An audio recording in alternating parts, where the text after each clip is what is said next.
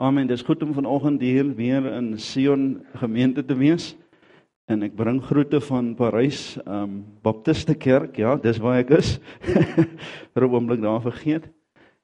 En dankie vir die mooi ontvangs. Ek sien altyd daarna uit om om in die bidkamer saam met die groep te vergader. Ek ehm uh, ek dink elke kerk moet 'n bidkamer hê en waar mense eintlik kom bid voor die diens. So dankie en alle eer aan die Here. Sonder om verder te veel te praat, ons teks vanoggend kom uit um, Matteus. Baie bekende gedeelte. Ek het lank geworstel, ek het lank geworstel met Psalm 23 en ek sê Here, maar daai Psalm is so bekend. En dit ek kan nie uit daai uit preek nie want uh, die mense gaan dit uit hulle uit uh, vanuit hulle geheue kan opsê en wat wat is daar nou nog nie gesê nie? En toe sê nie toe is dit dat toe is dit nie so dat ek met uh, um Psalm 23 nie maar dalk by 'n volgende keer. Maar die tweede gedeelte is ook so bekend. Maar um ons bly daarbey dis 'n bekende teksgedeelte en sonder om hom nou in te lei wil ek die tema gee van vanoggend se woord. Die probleem en die belofte van die evangelie the problem and the promise of the gospel. Matteus 11 28 en 29 baie bekende baie geliefde gedeelte uit die woord van die Here. En ek is nou by Sion gemeente en so julle is nie so styf soos ons nie die um the chosen frozen en die happy clappies.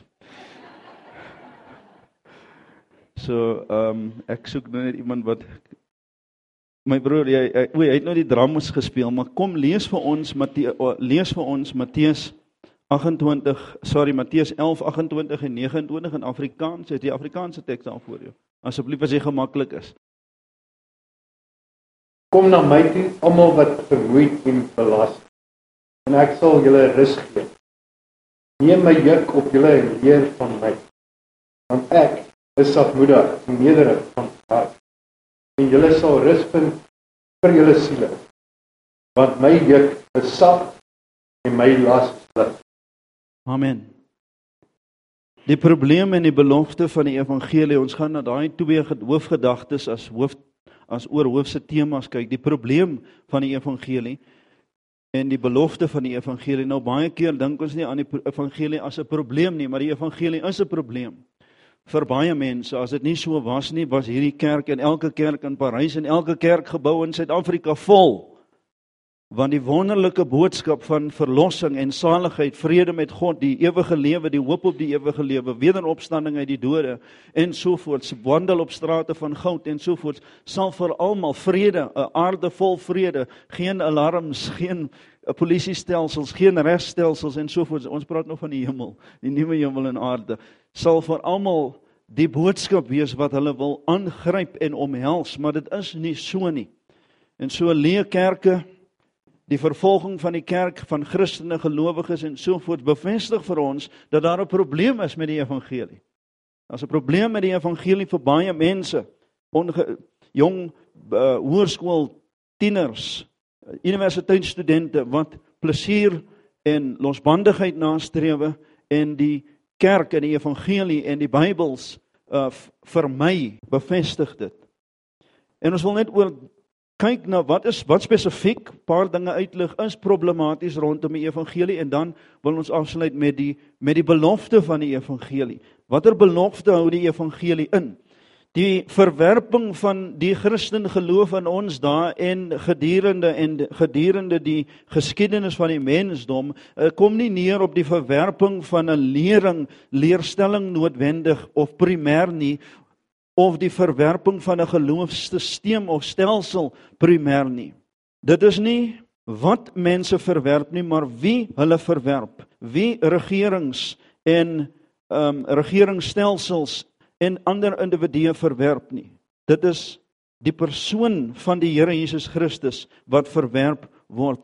Dit gaan oor die persoon van die Here Jesus Christus. Mense het in feite nie 'n probleem met die met kerk en Christen wees en die etiek van die Christendom nie. Nie 'n probleem daarmee nie. Dis die oomblik wanneer jy van hier, wanneer jy van die uniekheid en die uitsonderlikheid en die onvergelykbaarheid van die Here Jesus Christus praat, dan raak dit warm in die kamer en ongemaklik. Waarom is dit so? Hier in Matteus spreek die Here Jesus Christus tot 'n spesifieke persoon. Kortliks net so ietsie oor die die tema of die aard, die karakter van die boek Matteus. Matteus word oor die oor oor die algemeen in akademici aanvaar as die boek, die evangelie wat primêr gerig is aan Jode. Dis 'n Joodse gehoor, so ons het baie verwysings na die wet van Moses en kommentare sal die boek van Matteus opsom as die Messias het gekom. En daai boodskap van die die Messias wat die be, be, die bevestiging van die die Messias wat gekom het, is primêre boodskap wat die Jode verwag het. Ons sien dit deur die uh, vanuit vanuit Genesis.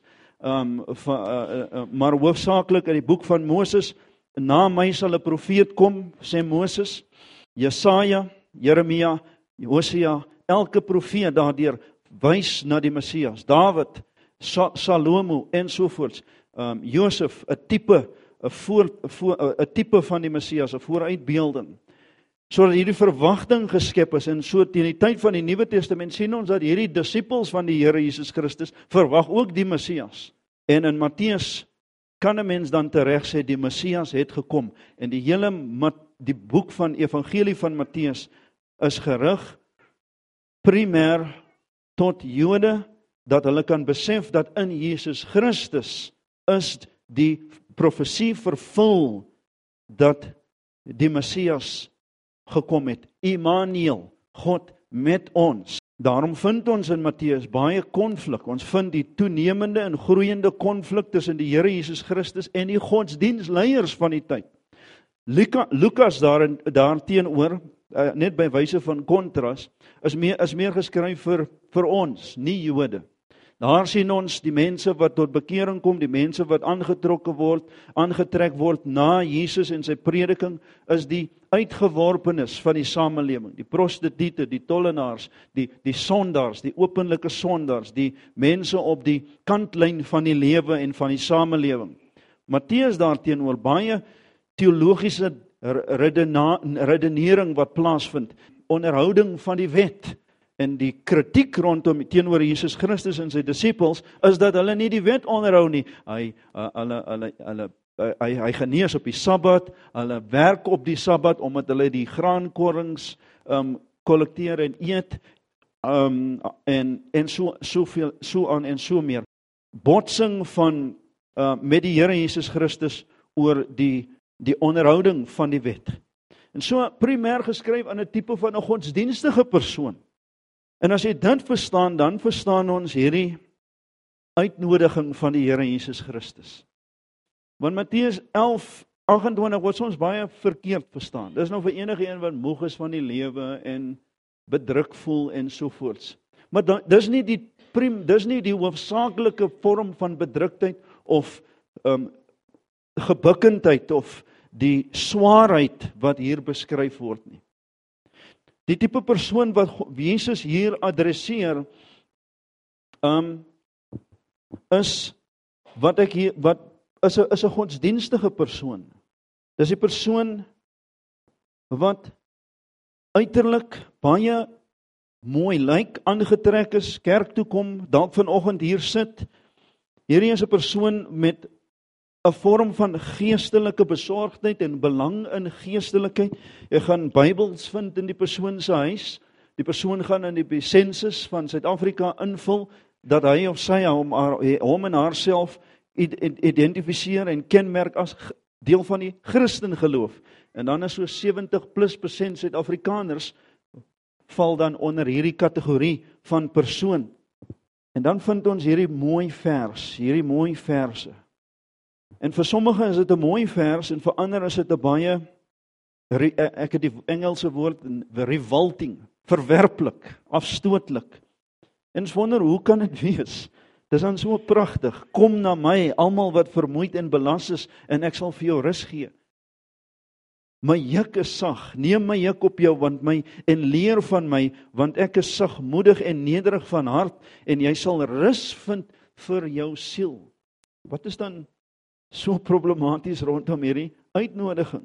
En wat is dan op 'n groter skaal problematies met die evangelie? Wel in hierdie mooi verse doen die evangelie wat dit altyd doen. In die evangelie wat die evangelie dan onderskei van enige godsdienstige geloofstelsel dan buite in die wêreld. Die evangelie doen dit alleen, geen ander stelsel doen dit nie. Die evangelie alleen konfronteer jou met die waarheid oor jouself. En die Bybel doen dit op verskillende maniere.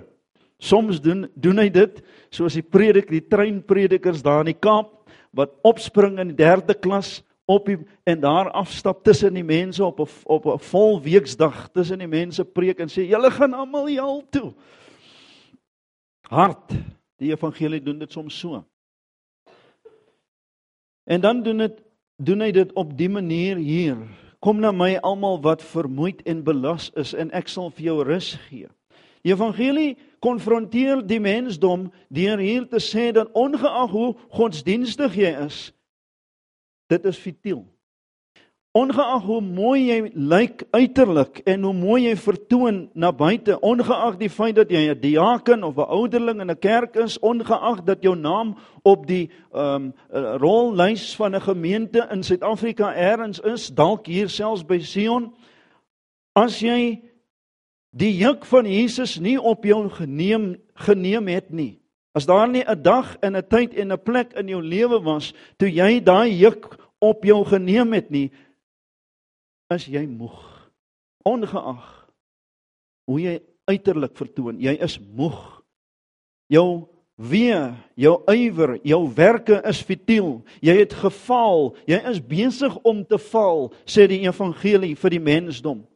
Die plesier waarna jy strewe het geëindig in pyn die oplossings van jou lewe lei tot meer en verdere verdriet. Jou strategie vir die perfekte lewe lei tot hartseer. Jy is 'n failure. You're a failure at life on your terms. En die evangelie konfronteer jou met die ergste in en oor jouself. Elke ander filosofie sê vir jou wat jy wil hoor hoe wonderlik jy is. Hoe 'n goeie mens jy is.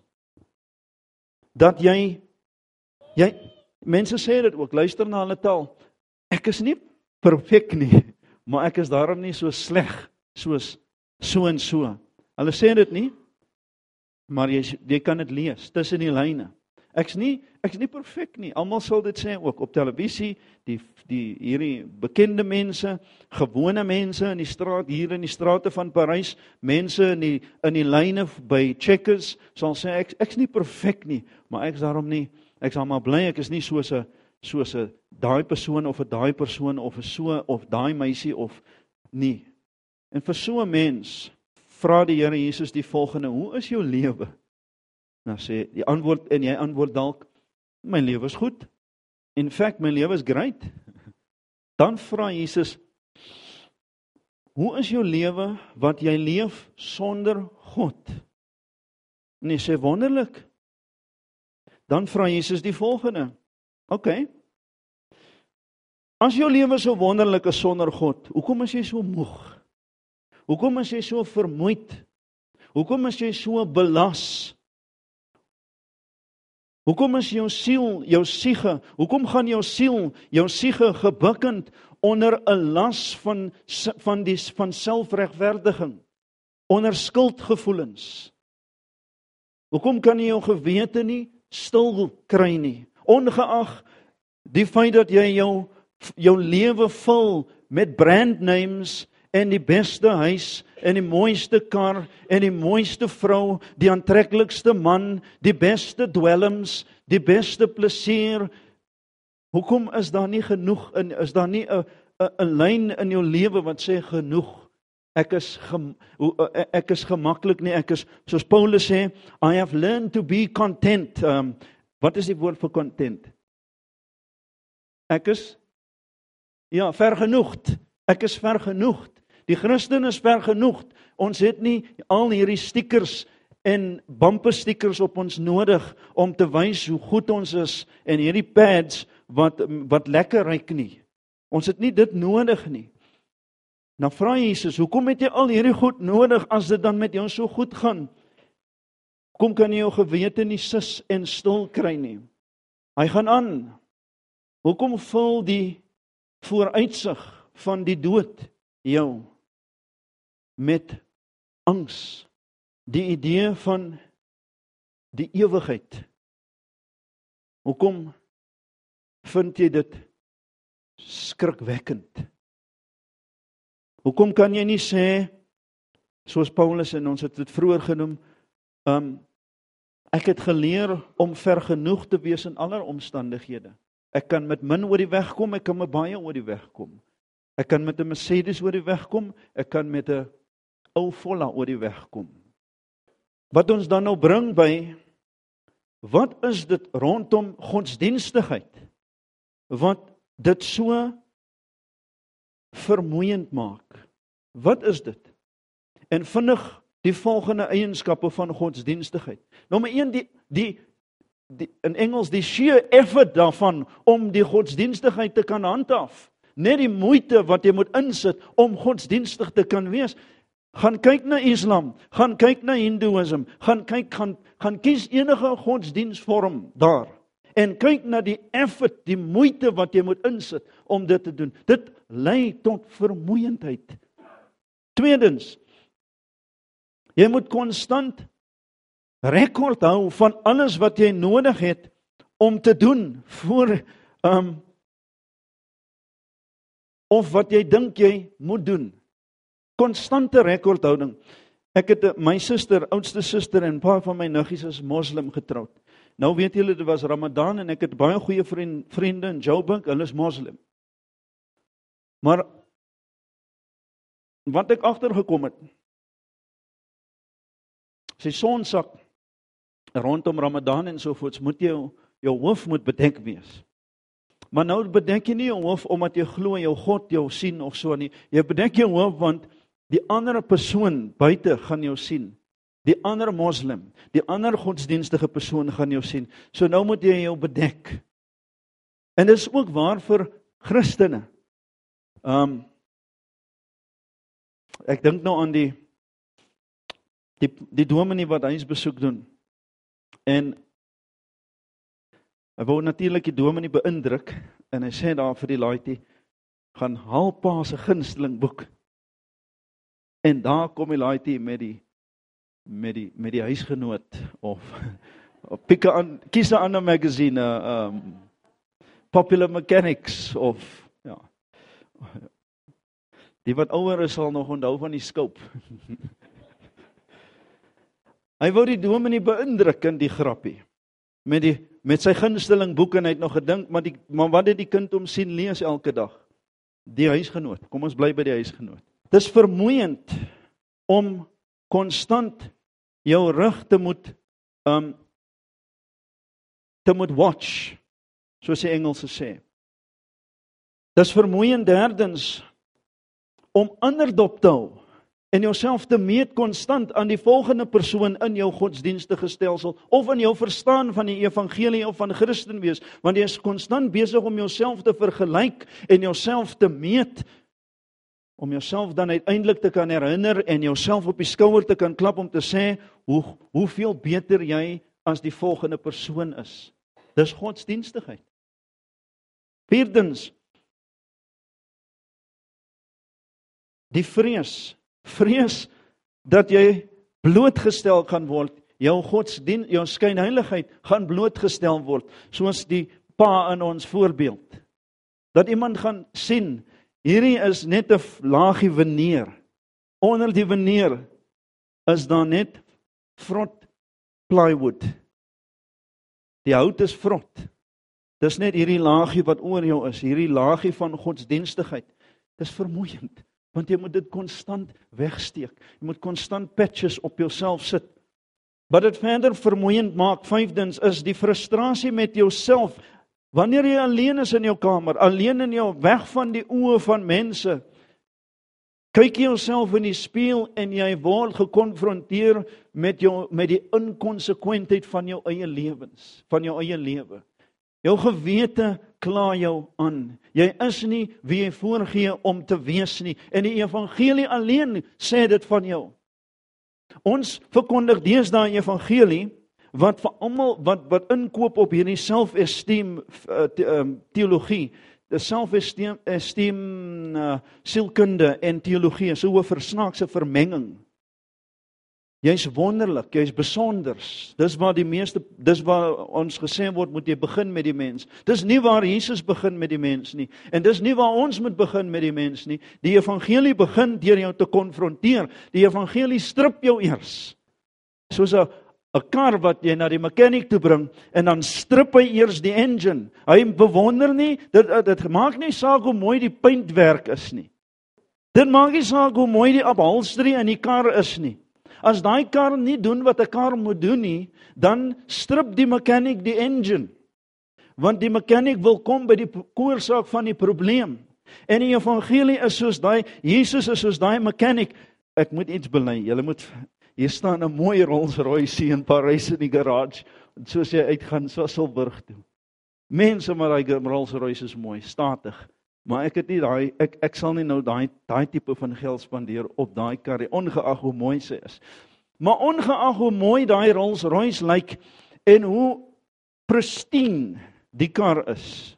As die engine van daai kar nie reg is nie, dan kan die paintwerk die metallic blue of groen of kan wees wat hy wis is dit help my nie en die evangelie alleen gaan in op die zoom in op die engine van jou lewe op jou op jou wie jy werklik is en dit is vermoeiend om konstant vir jouself met jouself gekonfronteer te word en jou eie inkonsekwentheid te sien 'n sewende punt wat vir godsdiens vermoeiend maak is die konstante hinkering soeke na aanvaarding deur ander. Jy maak jouself mooi en godsdienstig en lekker ryk en so aan sodat jy net mooi kan inpas met die crowd. Dis vermoeiend. As my hoof bedek in 'n ander godsdienststelsel, is het, het ek my doekie op. Het het het, het ek 5 keer gebid vandag en so voort. Het, uh, dit is dit dit is uitputtend. Verbeel jy jy's een van hierdie fariseërs hier wat Jesus konfront met wie Jesus in konfrontasie is?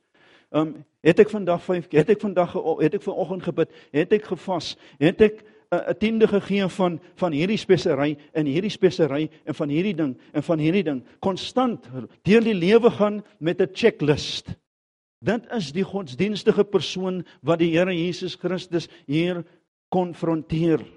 Eerstens. Nommer 8 die onafwendbare gevoel van onsekerheid dat wat ek doen is nie genoeg nie.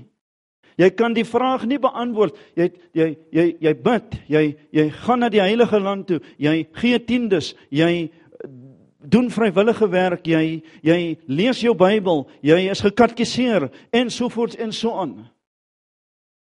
Maar jy weet nie of jy die ewige lewe het nie. Dis waar vir moslems. Jy kan hulle vra, ja, dis waar vir hindoes. Jy kan hulle vra, ja, dis ek wil dis selfs waar vir 'n satanis.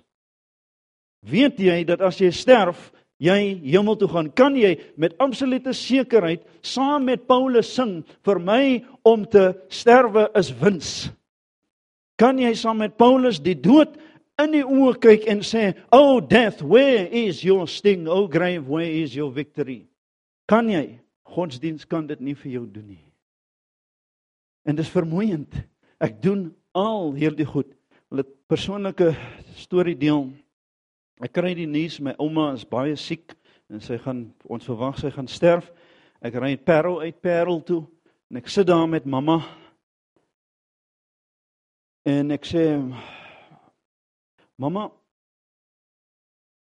Hoekom moet die Here Jesus jou in sy hemel toelaat? En my ouma sê vir my sy het altyd sy het Sondagskool gegee op 'n tyd en sy het blikkies kos kerk toe gevat. Sy was by die Anglikaanse kerk in Elsies rivier. En ek wag om meer van haar te hoor. En sy het niks meer gehad om te sê op daai stadium. Dis godsdienstigheid. Dan lê jy op jou sterwensbed en jou enigste hoop is en jy weet dit help nie vir jou nie. Ek het blikkies kos kerk toe gevat en ek het sonndagskool gegee.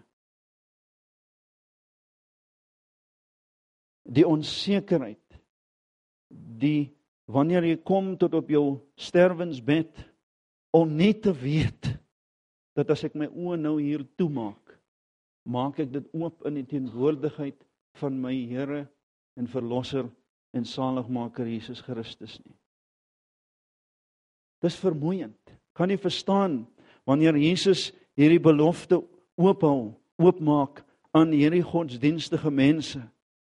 Kon hy sien hoe vermoeid en belas hulle is onder menslike reëls, onder rituele, onder godsdienstigheid, onder alles moeg. En godsdiens gaan dit aan jou doen. As jy vanoggend hier sit en jy is nie in Christus nie, dan sê ek vir jou, jy is moeg. Jy het kruip kruip hier aangekom vanoggend. Jy moet jouself uit die bed uit forceer. Maar laat ek maar gaan want wat gaan die mense sê of dan voel dit ek voel ten minste nie so sleg oor myself nie of dis wat my ma my geleer het om te doen of dis wat my pa my geleer het om te doen of dis wat ons van 'n merwes doen ons gaan kerk toe op 'n Sondag. Maar jy's hier en jy's moeg. Dalk is dit omdat jy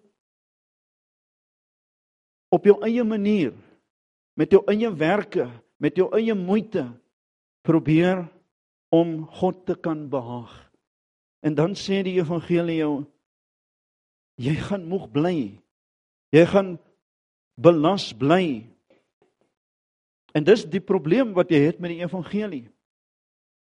En daarom wat jy nog in jou eie werke voortstrompel onder hierdie blokke van hierdie sementblokke van werke. Jou rug is nerf afgekrap. Jou knieë wil ingee want jy kan die las nie meer dra nie. Dan sê die Here Jesus vir jou: Kom na my, almal wat vermoeid en belas is, en ek sal vir jou rus gee. Dis die probleem met die evangelie. Dit konfronteer jou. Dit sê vir jou dat jou godsdienstigheid ongeag wat jy hoe hoe nice mens jy is gaan jou bring het jou gebring tot by 'n punt van uitputting. So jy is moeg. En hier is die belofte van die evangelie. Kom na my, almal wat vermoeid en belas is. En ek sal vir jou rus gee. In daai frase, ek sal vir jou rus gee, som die Here Jesus Christus die grootste nood van die mensdom op. Die behoefte van die mensdom is 'n behoefte na rus. Dis 'n behoefte na rus. En hy bied dit hier aan. En net hy Dis die ander ding van die evangelie. Jy gaan hierdie rus nêrens anders vind nie. Jy gaan dit in niemand anders vind nie. Die boyfriend gaan dit nie vir jou kan gee nie. Die girlfriend gaan dit nie vir jou kan gee nie. Die man gaan dit nie vir jou kan gee nie. Daai vrou wat jy gaan dit nie vir jou kan gee nie. Om kinders te kry gaan dit nie vir jou gee nie. Om bevorder te word gaan dit nie vir jou te gee. Om jou volgende miljoen te maak gaan dit nie vir jou gee nie. Net die Here Jesus Christus kan vir jou hierdie rus gee. En dis hoekom mense ongeduldig is met hierdie evangelie. Hulle is ongeduldig. Want Jesus sê ek sal vir jou rus gee. Mohammed gaan nie gaan vir jou rus gee nie. Boeddha kan nie vir jou rus gee nie. Satan kan nie vir jou rus gee nie. Piek jou godsdiens. Piek jou godsdienstige leier. Hy of sy of dit kan jou nie gee wat die Here Jesus Christus hier aan jou voorhou nie. Rus. Net die Here Jesus Christus kan dit vir jou gee. Net die Here Jesus Christus is die weg na God. Jesus het gesê ek is die weg, die waarheid en die lewe. Niemand kom na die Vader behalwe deur my nie. Dis presies wat hy hier sê, ek sal vir jou rus gee. En net ek kan vir jou rus gee. Daar is nie 'n ander boodskap wat vir jou kan gee wat die evangelie kan gee nie. En daarin lê die belofte van die evangelie terselfdertyd dat Jesus hierdie belofte maak en hy gooi dit oop en hy sê al wat jy hoef te doen is kom. Kom. Kom na my. Ek dink nou aan Jesaja 55. How everyone who thirsts come to the waters and you who have no money come buy and eat. Luister die ironie daarin. Kom. Jy het nie geld nie. Come buy and eat. Die evangelie maak nie sin nie. Maar as jy wag vir die boots evangelie om sin te maak, dan gaan jy vir ewig wag en dit gaan te laat wees. Jy moet eenvoudig kom. En dis die boodskap wat Sion moet uitvat. Ek sien julle julle visie is dat die Here maak ons soos 'n stad op 'n berg wat nie versteek kan word nie. Gaan en sê vir Parys, ten spyte van al hierdie kerkies op elke hoek van Parys se se woonbuurte, as hulle die Here Jesus Christus nie aanneem nie, gaan dit hulle moeg maak om elke Sondag kerk toe te gaan. En dis ek en u wat vir hulle moet gaan vertel van die Here. Dis ek en u wat die lig van die wêreld in Parys moet uitstraal. Ek het ons kerkgemeente uitgedaag. Ek sê ons is op die hoek daar van daai hoofstraat. Hier gaan duisende mense deur Parys elke Saterdag wil kom koffie drink in Parys. Hulle kom ontbyt eet. Hulle kom koop tweedehandse meubels en so voorts. En hulle gaan verby die kerk. Al daai ander die hoofstraat hou hulle so besig. Hulle is totaal onbewus van die the the the Engelse noem dit the peril of their souls. En wat doen die kerk? Wat doen ons in Parys om hierdie mense wat deurreis, deur Parys wil vir julle 'n idee gee wat hulle gedoen het in Musina op die um, op die grens. Ek as julle wil weet waar die hel is, die hel is net onder Musina. Ek's absoluut oortuig. Hy's net onder Musina. Eendag mis ons daai mis ek daai mis ek daai Beitbridge deurgang. Toe moet ek daar slaap. So daarom kan ek sê ek weet waar dit is. En uh, 'n kerk daar was Baptiste kerk het 'n traktaat want, want die lorries dit, dit dit staan daar in dis in Afrika en uit Afrika en deur, right? En hulle het 'n traktaatjie geontwerp. How to get to heaven from Musina. En hulle het dit versprei onder die lorry drivers en mense wat daar deur kom want is is, is 'n strategiese goeie plek. En ek dink Parys is ook strategies so 'n goeie plek. Maar ons gaan nog nie daai idee kopie nie. How to get to heaven from Paris. Um from Paris with love. Dis dalk 'n idee.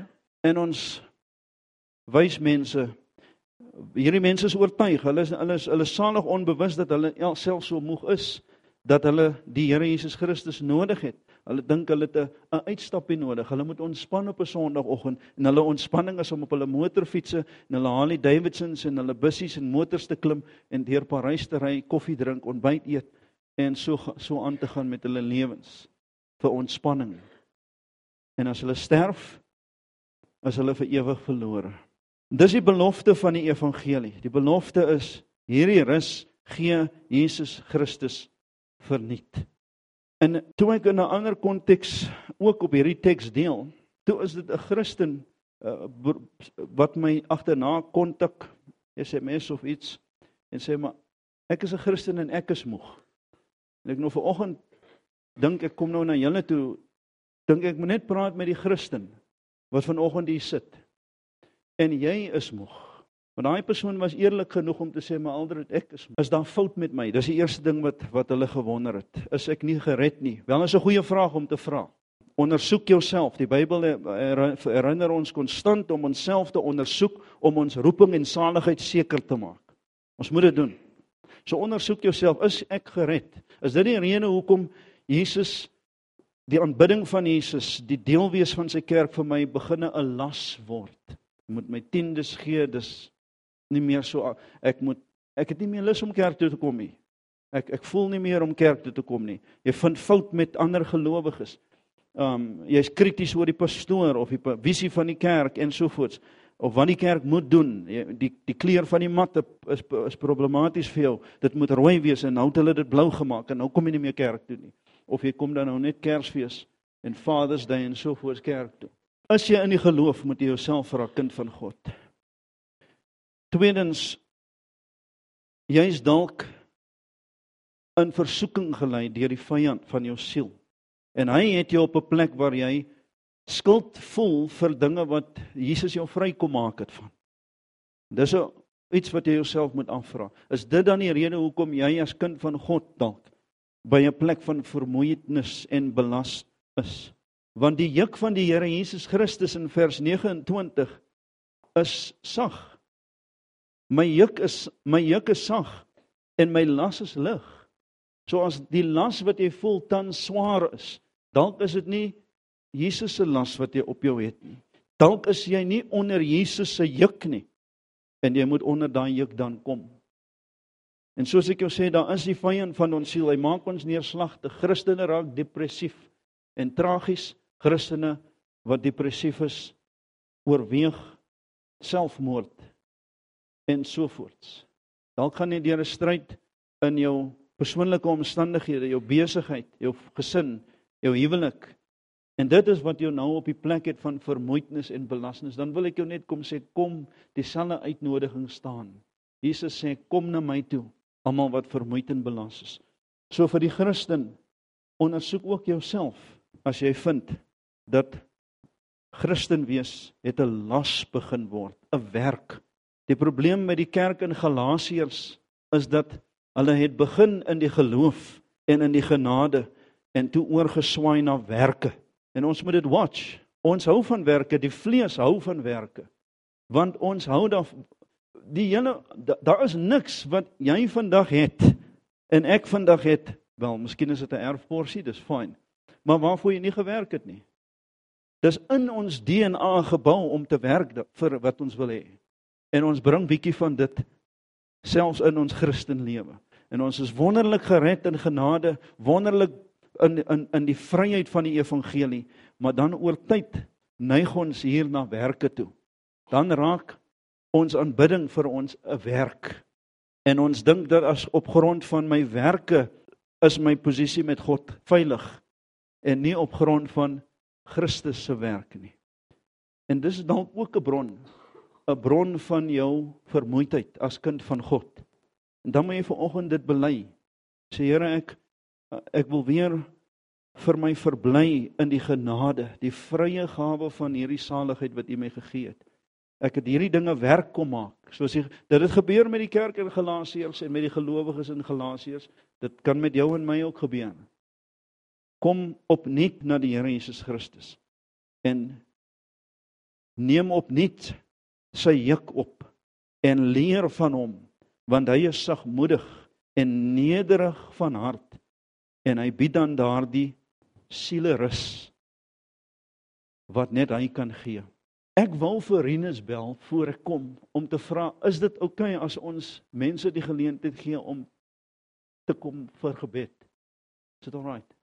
So as u voel jy's 'n Christen maar jy het moeg kom word. Die boodskap, die Here praat vanoggend met jou en jy het die vrymoedigheid om te wil kom vir gebed, dan gaan ek jou uitnooi om te kom vir gebed. En jy wat jy het gedink jy's 'n Christen.